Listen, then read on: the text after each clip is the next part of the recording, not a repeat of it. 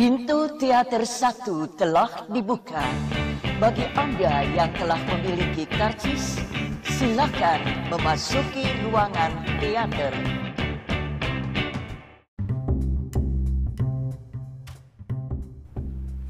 Halo semuanya, balik lagi sama gue Mustafa di podcast Habis Nonton Film Sekarang udah bulan Maret Artinya kita udah ngelewatin 2 bulan di tahun 2019 ini Kayak tinggal 10 bulan lagi loh Lu gimana resolusi lu udah Udah ada tercapai belum? Target-target nonton filmnya udah tercapai belum? gue sih, gue sendiri ya uh, teman-teman Uh, kalau lo tahu gue tuh tahun ini menargetkan menonton sekitar minimal 150 film gede gede nggak sih? Uh, maksudnya angka yang cukup fantastis nggak sih enggak sih sebenarnya? Kalau dihitung-hitung masih wajar lah itu masih cukup wajar. Karena gue masih punya temen yang setahun tuh nontonnya bisa 250-an film gitu loh. Gila sih kayak kayak pengangguran gitu sih. Padahal sih ada kerjaannya ada tapi dia bisa memanage untuk nonton film. Ya sekitar 250 film dan wow bagus. Karena menurut gue menonton film itu juga bagian dari belajar karena gue sangat interest di bidang uh, perfilman dan gue juga bekerja di industri perfilman ya. Jadi menurut gue menonton film itu sama aja kayak lu belajar gitu.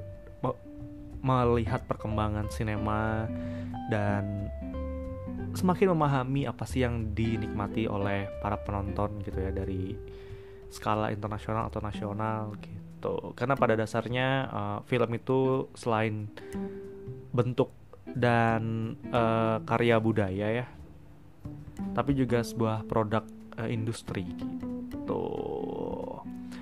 Ngomong-ngomong soal industri uh, kita harus memberikan selamat kepada film Dilan yang berhasil meraih rekor dan mencetak sejarah sebagai film Indonesia dengan uh, jumlah penonton terbanyak sepanjang masa. Dengan total 800 ribu penonton. Mari kita beri tepuk tangan. Gila loh ini angka-angka yang sangat fantastis uh, karena bisa ngelewatin Avenger Infinity Wars uh, yang sebelumnya memegang rekor dengan jumlah penonton terbanyak di Indonesia. Uh, data ini gue ambil dari akun Twitter bicara box office ya. Mungkin kalian udah pada tahu juga karena di sana cukup detail untuk menjelaskan dan merekap jumlah penonton yang ada di Indonesia, jumlah penonton film yang ada di Indonesia gitu. Nah, uh, karena euforia yang besar itu dan gue juga emang pengen film, nonton filmnya dari dulu, akhirnya gue kemarin nonton film Dilan nih dengan ekspektasi rendah karena uh, jarang banget ada sequel yang bisa mencetak film yang lebih bagus daripada originalnya gitu jadi uh, ya gue gua gua nggak berekspektasi tinggi tinggi dan ya nanti tulus aja di dalam kalau misalnya gue dikecewakan ya it's okay gitu dan ya Dilan gitu ya maksudnya lu mau berekspektasi apa? Kalau lu mau nonton filmnya uh, siapa? Joko Anwar gitu atau baru ekspektasi tinggi tinggi aja kalau lu di dalam dikecewakan ya baru.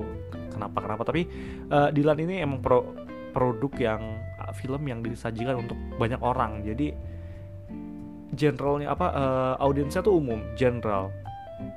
Dan nggak spesifik dan tidak untuk menyasar film-film uh, dengan kualitas film apa ya art house gitu. Nggak sama sekali nggak. Ini tuh bahkan di bentuk film mainstream ini sangat sangat mainstream sangat sangat lebar cakupannya. Tapi uh, Dilan Dilan berhasil dari keluar dari konteks bukan berhasil keluar dari konteks mana ya? Dilan tidak memakai eh, pola-pola yang terlalu umum cuma emang dia menyasar orang-orang yang sudah menggilai Dilan gitu. Jadi ya ya dibikin sesoft mungkin adegan ciuman yang nggak ada uh, diwakilin oleh tangan gitu. Ya gitu itu gimana caranya uh, satu apa ya satu keluarga bisa nonton gitu. Ibu lu bisa nonton bapak lu bisa nonton adik lu bisa nonton kalau nenek lu paham juga bisa nonton gitu maksudnya ya itu satu keluarga tuh harus bisa dirangkul untuk nonton Dilan dan nggak kenapa-kenapa ketika di dalam gitu nah gue langsung ngomongin Dilan aja ya uh, mungkin lo udah pada tahu kalau Dilan itu Dilan 1991 ini adalah prequel, uh, sequel dari Dylan 1990. Nah, di sini diceritakan kalau Dylan dan Mila itu udah berpacaran dan mengalami konflik-konflik gitu. Uh, seperti orang-orang pacaran pada umumnya ya. Dan ini kan pacarannya era SMA dan uh, ya ya maksudnya pacarannya anak-anak SMA yang yang kadang lebay, yang kadang terlalu mikir jauh kayak misalnya uh, aku ingin menikah sama kamu gitu. Ya gak sih? Kayak kayak lu pernah dulu pernah gak sih pas SMA gitu terus kerasa kayak anjir nih ini kayaknya jodoh gue nanti gue menikah gitu. Pernah gak pernah gak sih? Ya gak sih? Kayak kayak yang lu yang lu temukan di SMA itu adalah yang terakhir. Dan lu yakin nanti dia yang akan menjadi pasangan lu ketika lu dewasa gitu. Yang menjadi uh, istri atau suami lu gitu. Dan Dylan, Dylan mengcapture uh, cara berpikir anak-anak yang jatuh cinta ketika SMA dan itu sangat-sangat wajar dan itu sangat-sangat relate gitu. Dan gue juga merasakan hal tersebut ketika SMA kayak ketika gue ngelihat uh, orang yang gue suka ya kayak ini ini kayaknya jodoh gue nih. Gitu dan dan itu selalu uh, apa pandangan-pandangan itu kayaknya nggak cuma terjadi di gue dan banyak orang juga ngerasain di sana gitu dan ya bayangin Dilan ketika bawa motor yang nanya e, aku ingin menikahin kamu gitu terus katanya Mila aku mau gitu kayak what the fuck man kayak aduh pas gue nonton terus nonton sekarang gitu ya ketika gue umur udah di atas 20 tahun gitu dan era-era dan di masa-masa produktif tuh gue ngerasa kayak gila apa nih anak SMA udah lu bawa motor uh, apa nggak pakai helm aja sih udah ngomongin nikah gitu. Ya tapi itulah yang terjadi pada pada saat kita SMA begitu kan maksudnya ya wajar itu itu yang terjadi. Dan pengapciran itu sangat sangat sangat bagus. Gue gue suka gue suka gue suka gue suka yang yang yang lebay-lebay. Nah uh, terus uh, Dilan Dilan 1990 ini eh 1990 Dilan 1991 ini itu berhasil menurut gue nih ya menurut gue berhasil menjadi film yang berlawanan dengan 1991 gini kalau lu suka film Dilan 1991 karena gombalan rayuan speak speaknya Dilan cara mendapatkan hati Milea caranya yang sangat unik atau pokoknya cara cara Dilan mendekatin itu itu tuh nggak terjadi di Dilan 1991 gitu karena karena gue yakin karena gue yakin filmmakernya sendiri atau produsernya sendiri ingin menciptakan sesuatu yang baru di Dilan yang 1991 ini gitu. Jangan sampai mengulangi formula yang sama di Dilan 1990 meskipun banyak orang yang kecewa karena ih di Dilan yang baru ini nggak ada gombal-gombalannya nggak seru gombalannya ya emang itu tujuannya gitu. Dan kalau itu diulangi lagi menurut gue gagal. Menurut gue malah Dilan 1991 ini nggak berhasil uh, berevolusi gitu. Masih pakai pattern yang sama. Padahal gue yakin bisa gitu. Oh ya yeah. uh, for your information uh, gue nggak non gue nggak baca novelnya.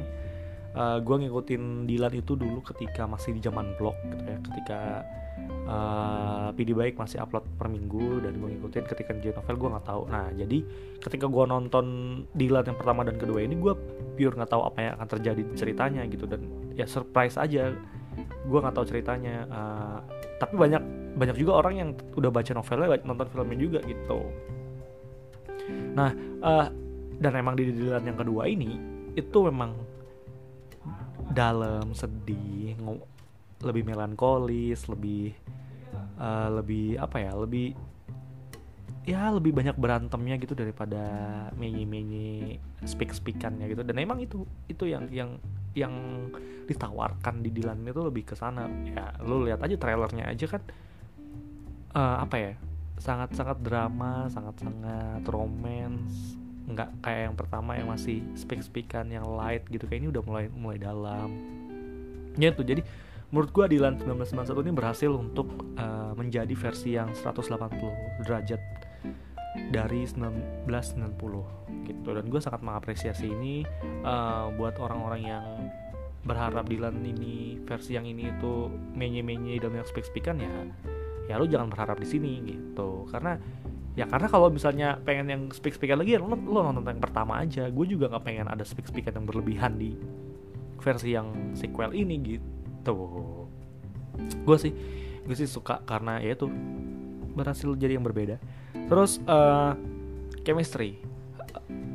Yang pertama tuh cukup baik. Nah di sini udah ada peningkatan chemistry antara uh, Melea dan Dylan dari karakter dan aktingnya Iqbal dan Vanessa gitu ya. Meskipun Vanessa menurut gue acting terbaiknya ada di teman tapi menikah gitu. Uh, kalau di sini Iqbal yang stand out. Menurut gue Iqbal Iqbal bagus sih. Menurut gue di sini Iqbal oke okay, kayak dia menunjukkan kalau dia itu uh, apa ya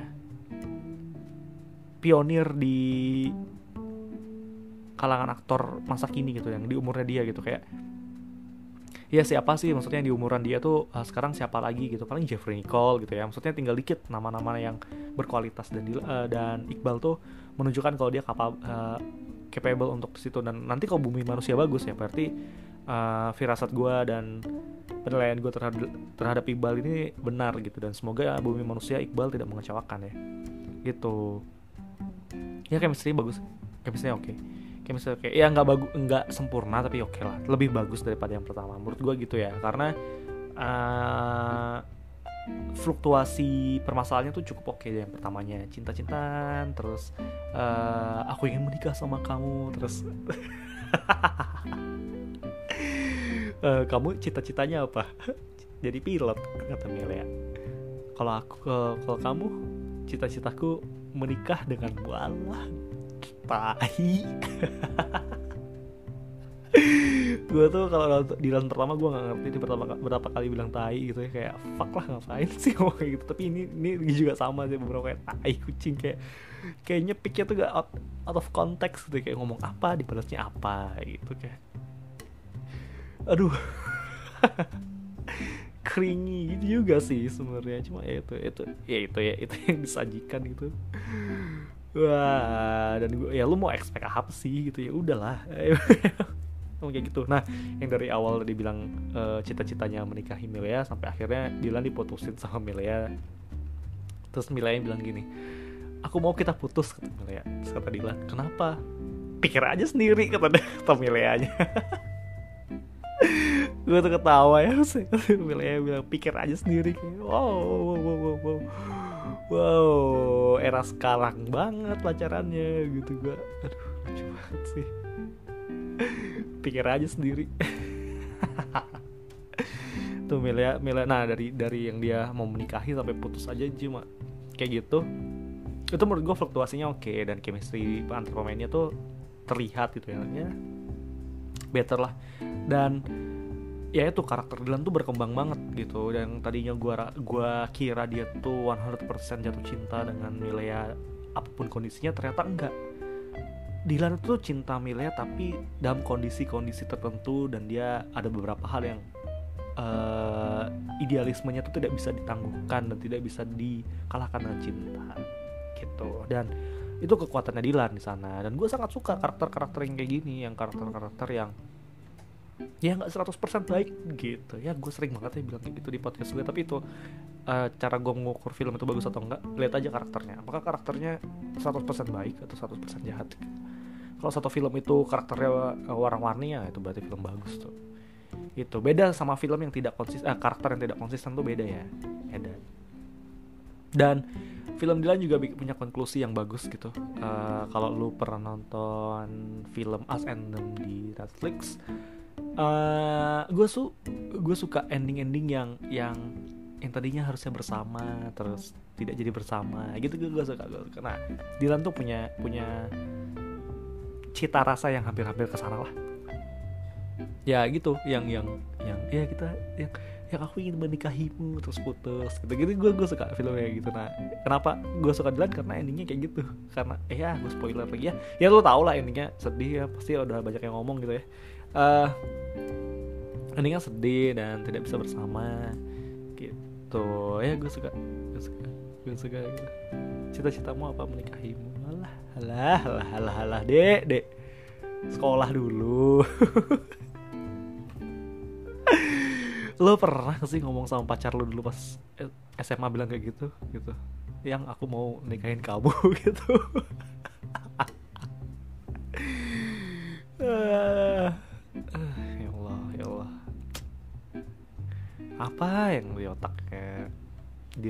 saat itu ya. Gitu. Nah gue gue tadi udah ngomongin tentang kelebihan kelebihannya tentang uh, apa yang bagus-bagus di di Lana. Gue sekarang ngomongin soal kekurangan kekurangan yang yang gue dapat setelah gue nonton ya. Pertama uh, durasinya terlalu panjang.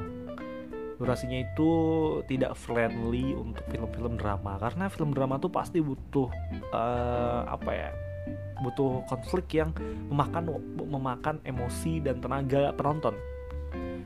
Nah ini tuh terlalu lama. Kadang-kadang kadang-kadang bikin ngantuk gitu loh. Di tuh kadang-kadang bikin ngantuk. Karena permasalahannya terlalu bertele-tele konfliknya diulang-ulang gitu. Durasinya terlalu lama sih. Ya semoga di lanjutannya ntar di Milea nggak kayak gini ya. Semoga durasinya bersahabat gitu. karena ini cukup cukup panjang terlalu panjang ada ada beberapa karakter yang tidak penting juga sih di Dilan kayak NC bagus gitu sebagai seorang guru yang di hari pertamanya dia ngajar aja udah nyepik dengan cara yang cukup seksis seksis banget sih maksudnya. Uh, ngomongin kamu uh, seksi ya. ya kamu seksi gitu gitu maksudnya ada ada ada adegan kayak gitu. Yang menurut gue ah ngapain sih maksudnya uh, gue gak tahu sih apakah di real life nya atau di novelnya ada seperti itu gitu. Tapi menurut gue karakternya bisa dibuang dibuang gitu aja. Iya loh gue tuh gak ngerasa karakter Ninja bagus di situ tuh terlalu signifikan terhadap cerita. Dibuang gue gak kenapa kenapa? Dibuang tuh gak kenapa kenapa? Beneran deh. Apa apa korelasinya dengan ceritanya? Ada dengan Dilan apa? Dilan juga nggak pernah uh, bermasalah dengan si NC bagus ini. Juga Milea juga nggak pernah ngasih interaksi. Di belakang juga nggak keluar apa-apa gitu bener-bener nggak kepake. Karakter nggak kepake. Gitu sama ada satu lagi nih karakter yang selalu bikin gue ketawa setiap gue nonton. Eh setiap di kartu dia muncul itu mas-mas rambut belah tengah. Mas-mas rambut belah tengah ini uh, sepupu, sepupu jauhnya Milea datang dari Belgia yang yang suka juga sama Milea gitu. Ya lu bisa lihat trailernya ketika Dylan berantem sama Milea dia ada gitu. Dan gue selalu ketawa ketika karakter itu muncul. Ketawa banget ketawa gue aduh rambutnya belah tengah. Terus tingkah lakunya aneh. Pervert gitu loh tuh pervert kan kayak kayak kayak apa ya kayak nafsuan gitu loh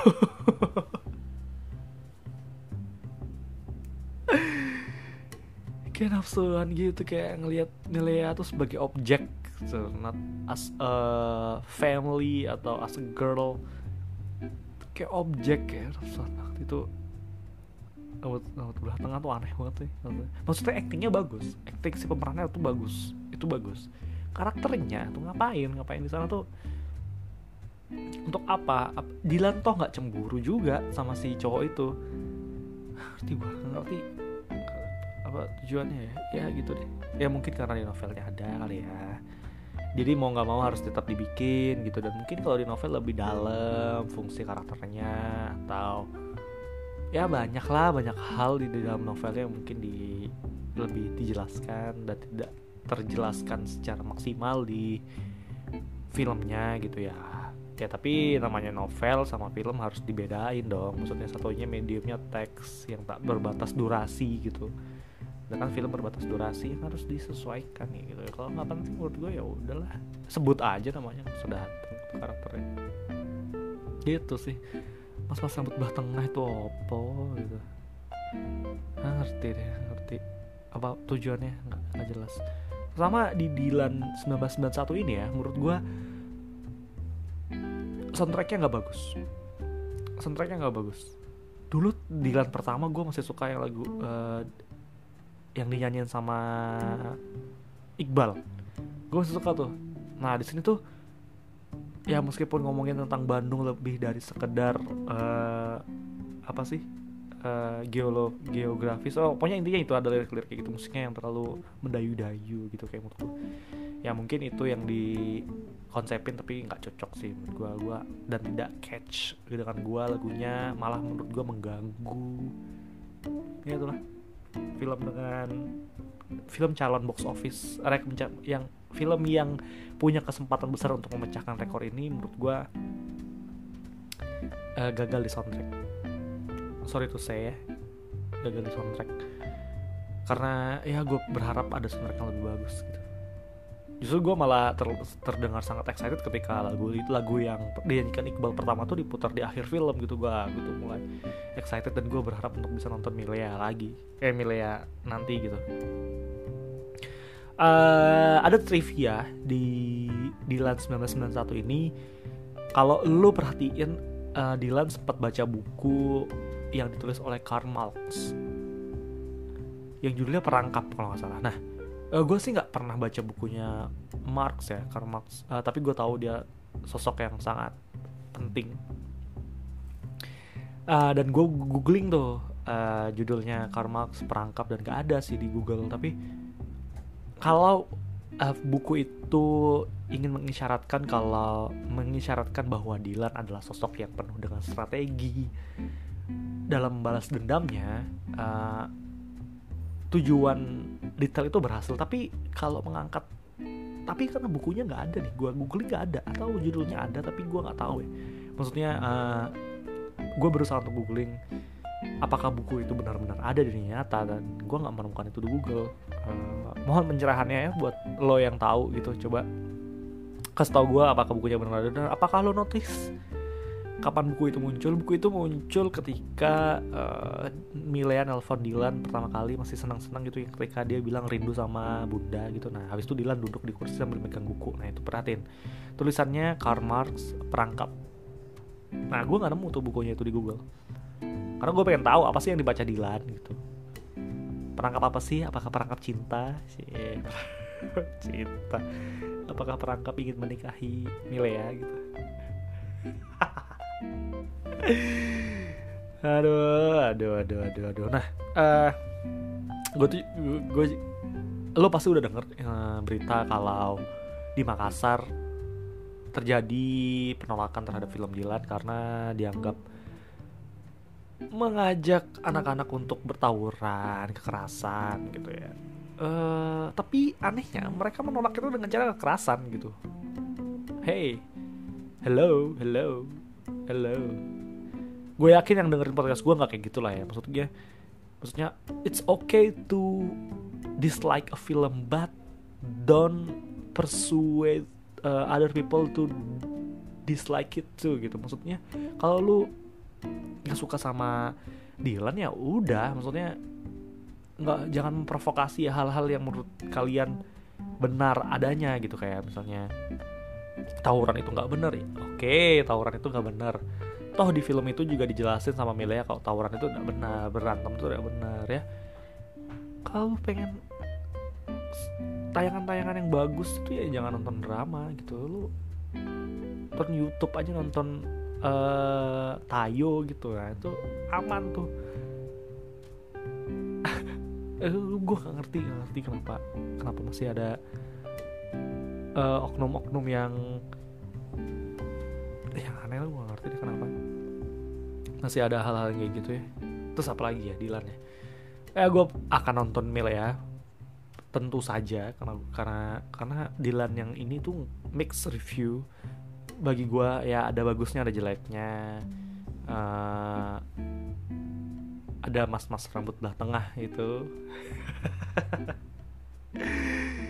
uh, ya gue akan Mil ya. Uh, gue sangat uh, suka dengan pencapaian kayak gini gitu ya. Menandakan kalau industri perfilman kita tuh sebenarnya punya potensi yang sangat besar gitu. Meskipun meskipun dilihat dari segi bisnis dilihat dari segi industrinya ini tuh terlihat seperti monopoli. Karena pada akhirnya film-film lain tidak diberi kesempatan dan uh, hanya satu judul film yang menguasai pangsa pasar di waktu yang bersamaan itu menurut gue cukup monopoli gitu. Dan uh, kalau layar bioskop kita itu sangat banyak menurut gue nggak apa-apa kayak gini. Dilan merajai berapa persen terus film lain dibagi-bagi gitu. Masalahnya ini tuh Dilan tuh mungkin sekitar 70 persen atau 80 persen merajai bioskop-bioskop yang ada di Indonesia. Jadi kasihan PH-PH lain film-film lain yang punya kesempatan untuk tayang tapi nggak akhirnya nggak bisa tayang. Karena layarnya disikat sama Dilan. Bahkan Dilan tayang aja kan nggak ada pesaingnya kan? Beda sama film-film lain di hari Kamis gitu. Pasti hari Kamis ada film-film baru dan ini nggak ada. Itu sih menurut gue dari segi industri buruk karena sangat monopoli meskipun uh, eksebitor dan PH akan mengeraup keuntungan yang besar dan penonton akan disajikan film Dilan dengan udah waktu yang luas tapi penonton-penonton yang udah nonton Dilan mau nonton apa? Ya kan? Di bioskop ada Dilan doang. Gitu terus PH-PH lain yang udah bikin filmnya lama gitu kayak Foxtrot atau calon bini dan lain-lain. Itu nggak punya kesempatan lagi tayang karena dimakan sama Dilan gitu sih. Itu opini gue soal uh, kesuksesan Dilan di balik 800 ribu penonton di hari pertamanya itu terdapat uh, apa ya pandangan-pandangan lain terhadap monopoli pasar uh, industri gitu. Meskipun terlihat kalau Indonesia tuh punya potensi untuk memecahkan rekor di masa depan itu masih peluangnya masih banyak banget gitu. Yang tadinya gue ngerasa ah ada gak sih film yang bakal ngalahin uh, Jangkrik Boss? Gitu dari pertamanya eh, ternyata ada. Bahkan Dilan apa dua kali lipat kan dan oh it's a very good achievement for uh, from all of us from this industry for from you guys as a audience. Ya itu pencapaian yang bagus. Uh, mungkin itu aja kali ya yang bisa gue omongin kali ini. Uh, terakhir gue pengen informasiin uh, Oscar kayak tai aduh gue kesel kenapa Roma nggak menang gitu. Kayak Green Book tuh totally shit. Uh, maksudnya aduh kenapa gue ngomong Green Book Mem memenangkan Green Book sebagai best picture tuh a shit decision gitu. Kayak canda kali Oscar. Green Book tuh film bagus tapi nggak cocok untuk menang Oscar. Maksudnya aduh ngerti deh gue Green Book tuh bagus kok. Gue nggak tidak menjelek-jelekan film Green Book. Green Book tuh bagus tapi apa sih yang baru di Green Book gitu tentang rasisme segala macem ya iya masih ada. Itu gue pernah bilang ya. Aduh ngerti deh. Harusnya Roma yang menang ya. Al Roma. Al Roma. Gitu deh. Tai lah Oscar dah